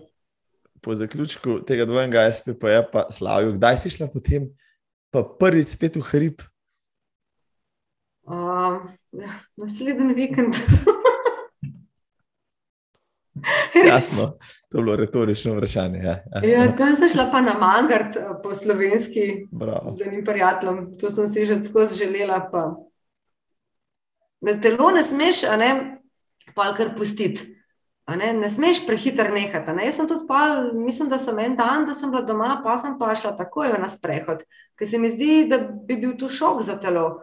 Ne vem, da prej 24 dni vsak dan, ne vem, koliko je bilo povprečno, 50 km na dan, koliko se nekje imam še zapisan. Um, 48, nekaj ja, ja, takega. os, tako je. Tako je. Um, je, pa da pa kar nehaš. To se mi zdi, da za telo bi bil to kar šoka. ne. Tako da sem hitro začela, pa malo kolo, malo hoditi, malo tako le probati še kaj bolj poplezati, ne, da še z rokami, ne, da nisem vse, vsa obremenitev sem na nogah. In Pa sem nadaljevala, tako nisem nekaj hudo počivala. No. Uh, no, kako je pa tvoj, tvoj mož Matjaš, tvoj uh, pohodniški angel, ki je v bistvu res bedel nad tabo vse čas, pa z avtodomom se prevažal, pa skrbel za logistiko in vse ostalo. Na koncu pač, malo tega projekta je bilo vsem tudi njegovega, no, v bistvu je pripomogel, da si ti vse to zmogla z fizično, moralno in ostalo pomočjo. Ja, definitivno. Mislim, on je tako verjel vame ne, in me je spodbujal. In uh, jaz pač tudi njemu stoprocentno sem zaupala in sem vedela, da če je on nekaj rekel, da bo, bo. Ne. Tako. Prav. Mhm. Res. Mm. Zanesla sem se na njega. Jaz sem točno vedela, če mi je rekel, da bo ob tej, pa ob tej uri tam. Je, mislim, je bil tam. Ne? Ne, tako da nisem, ni mi bilo treba skrbeti za, no- nič za logistiko, za nič. In to se mi zdi res tudi pomemben. Bravo. Je- Zelo, zelo pomemben. No? Ena izmed ključnih stvari. Je njega tudi kaj zamikal, da bi kaj tazga ponovil, zdaj, ker si glavna akcarica prebajti. Ah, Ne, ne. on je, on, on je raje zdaj kolesari.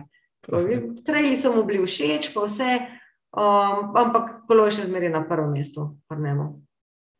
Uh, no, kaj pa tvoje, tvoje tri hčerke, ki so, tako se rekla, uh, so tudi prišle na Triglav in tako naprej. Ko so pa one uh, vse skupaj sprejele, vmes pa na koncu, ne, so bili tudi navdušeni, tako so s tem gor rasle. Ampak vendarle, to pa ni bil več, ni več samo 100 milski trail, to je bila pa res nora reč. Ma, bile so res ponosne, ne? to so mi tudi pač povedale, ampak um, ker so navajene, da pač živijo v tem našem tempu, v tem našem športu, da se je skozi nekaj dogajalo, za najo to je bil pač način življenja in za njih, uh, da bi prav neki bile tako zelo wow, ne, kaj. One so pač vedele, da, da kar sem se odločila, da bom to naredila, so bile pa res, so bile ponosne ne, in so tudi uh, šle z mano.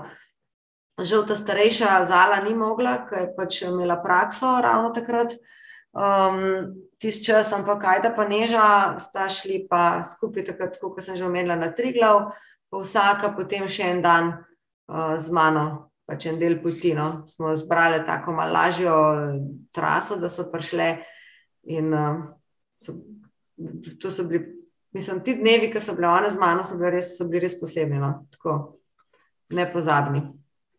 Um, no, veliko sem se tudi v tem podkastu s kom pogovarjal, pa vsi so prišli do iste ugotovitve. Uh, pri vzgoju otrok je pomembno, kaj delaš, ne kaj govoriš. a Ne? Predvsem tisto, kar delaš, no pa če se oboje, tisto, kar govoriš, pa delaš skladaj še boljš. Uh, vi ste taka športna družina, najbrž vsi ti zgledi vlečejo, tudi ščere, da se športno udejstvujejo, sicer morda tudi na kakšen drug način, ampak vendarle. Ti zgledi so brško ne, tudi po tvojem mnenju, ključni za ne, vzgojo nekih zdravih, psihofizično zdravih otrok. Ja, točno to. V bistvu um, zgledi štejejo. Že v bistvu sploh pri majhnih otrokih. Te pa, ki so starejši, imajo pač svoje odločitve, svojo voljo, vse, ampak ko so pa majhni, ne, je pa zgled tisti, ki šteje. Res in um, občutki, in v bistvu sploh način življenja družine, staršev. To je, to je sigurno. ne. Vse so tudi izjeme, ne. Sej ni, ni zmeri tako. Ne. Pri kakšnih vrhunskih uh, atletih otroci tudi niso pa neki športni, so mogoče tudi uh, se ukvarjajo z glasbo, ampak načeloma pa mislim, da je zgled tista stvar. Kako so pa tvoji, tvoji sodelavci, pa starši otrok, ki so ti jih vozili v tem v varstvo, pogledali na te, ko si prišla iz dvojenega SPP-ja? Pa se velikih niti ni vedel, no? Tisti, ki pa so videli na Facebooku, potem, no, ki se je malo to več v medijih pojavilo, so pa tako si mi čestitali, pa tako rekli, da si ne morejo, da ne morejo verjeti, ne, kdo zgaja njihovo vrsto. Zdaj pa vejo, zakaj veliko ven hodimo, zakaj se veliko gibamo tako. Ja, in tako so bili navdušeni no, in mi čestitali. Uh. Ti je kdo mogoče potem rekel ali napisal, da si ga s svojim podvigom motivirala, pa navdušila, da si tudi sam podal v kakšne hribe, pa se drugače ne bi. Ja, ne, to so rekli, ne, da me občudujejo in da, da sem jim navdiha. Uh mhm. -huh. Zdaj pa, da bi pa prišel še prav tako s tem začel, no to pa niti ne vem. No. Um, to nisem.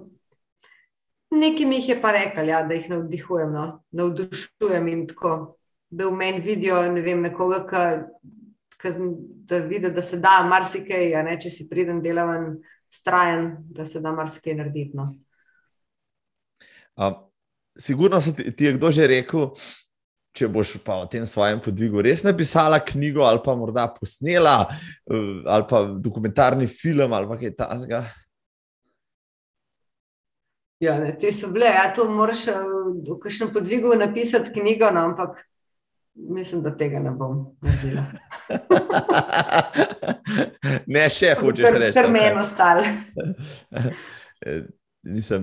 Ta knjiga bi se, bi se prav gotovo dobro brala, zgodb imaš gotovo eh, še cel kup, ki jih mi da nisem obdelala. Draga Klara, rekla sem uro, uro 15, ura pa pol, tako le. Ja.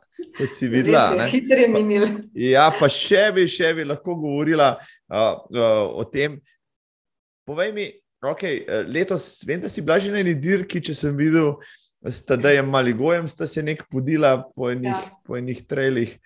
Ja, ja ta hipertrail, eh, to je zimski trail, 168 km, um, ki je malo v Italiji, malo v Sloveniji. Ja, tudi zanimiva izkušnja, super stvar, če te ne zebe preveč. Pa če imaš rad zimo. no, ti imaš vse to rada, ne ja. sem ugotovila. No, mene vsak let bolj zebe, ampak se pravim, če gledam fotke, včasih pa vseeno. No, uh, povej mi, letošnja sezona, ajde, tekaška zadnjič je bila istra, sto milska dirka, počasi se začenjajo zadeve. Imáš kakšne letos, kakšne ambicije ali pa plane, iti na kakšno dirko, da te kje lahko uh, uh, gledalke in poslušalci zdaj tega podcasta celo srečajo, pa pocukajo z rokav? Ma, trenutno nisem prijavljena na nobeno tekmo, je še kakšen čas. Ne? Neke možnosti so še eno, zelo v kratkem, pa ne. No. Do, do recimo junija, sigurno ne. Šla bom malo navijati, uh, zdaj le v Istro, pač nisem šla, uh, šla bom pa v Vipavo, malo moje prijatelje spodbujati pa malce v rabu, kdo karkoli za kakšen support. Drugač pa noč letos, tako malo me navdušuje ta le korona od Vikija Grošla, to se nekaj bi mogoče šla narediti. Ampak zaenkrat pač jo narediti, neč še planov, ne vem, da bi si hotla kaj reči, ne vem, časovnico, kakšno zadati ali karkoli. Pa zanimivo mi je, kaj je zlobljene, pa krožna, tam parkiraš avto, greš v krog in se odpeleš domov. Ja, hecam, hecam, ampak ja. ja to, lani... to, to mi je recimo zelo ena stvar, taka, ki me mika. Lani ste te dve deklice, ne, Tjaša pa Draga ja. iz, iz jesenic to naredili. Super, ja, tako, ja. Uh, tako da, evo, vidiš. Uh. Ja, se bile smo blizu. Uh, mislim, da smo se tako malo pogrešile na poti, gliho tam okrog Dobrče, mhm. um, so šle one mogoče pa ni zgornji, jaz pa v bistvu po moje deset minut, da smo se zgrešile na, na koči, na Dobrči. Tako da ja. Um, Ja, no, to, one dve, prebrala sem njun zapis, ne, od Drage na Facebooku, pa mi je tako pritegnil se nekaj, no, to je tudi mogoče zdaj ne za narediti. No. Še ena nova stvar. Hočeš reči, da je v Sloveniji čisto dosti terena, čisto dosti poti, čisto dosti strelov, da se ne rabimo ozirati širše, preden to podelamo. Ja.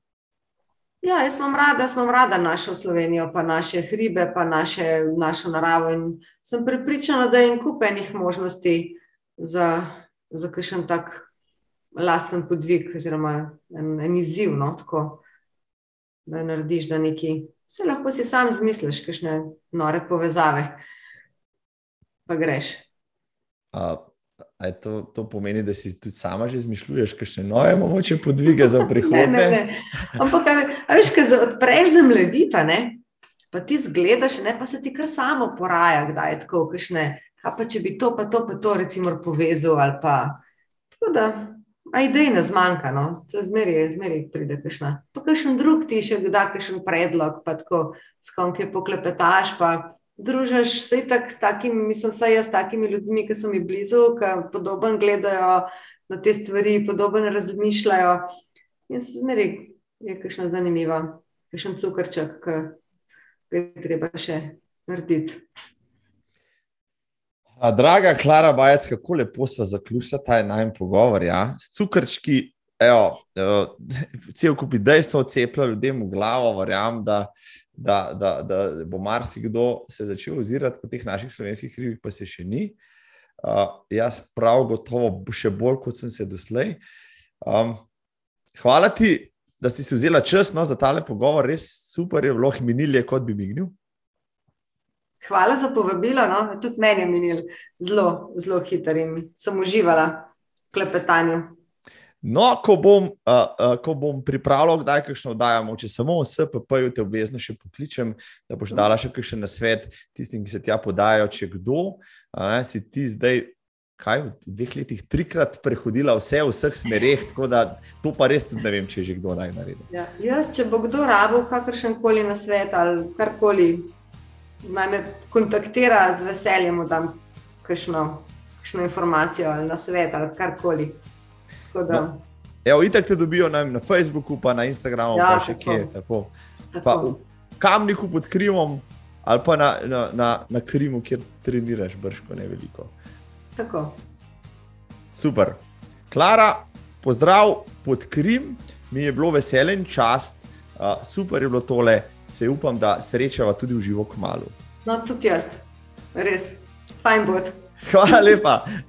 Adijo. Živijo, čau. čau.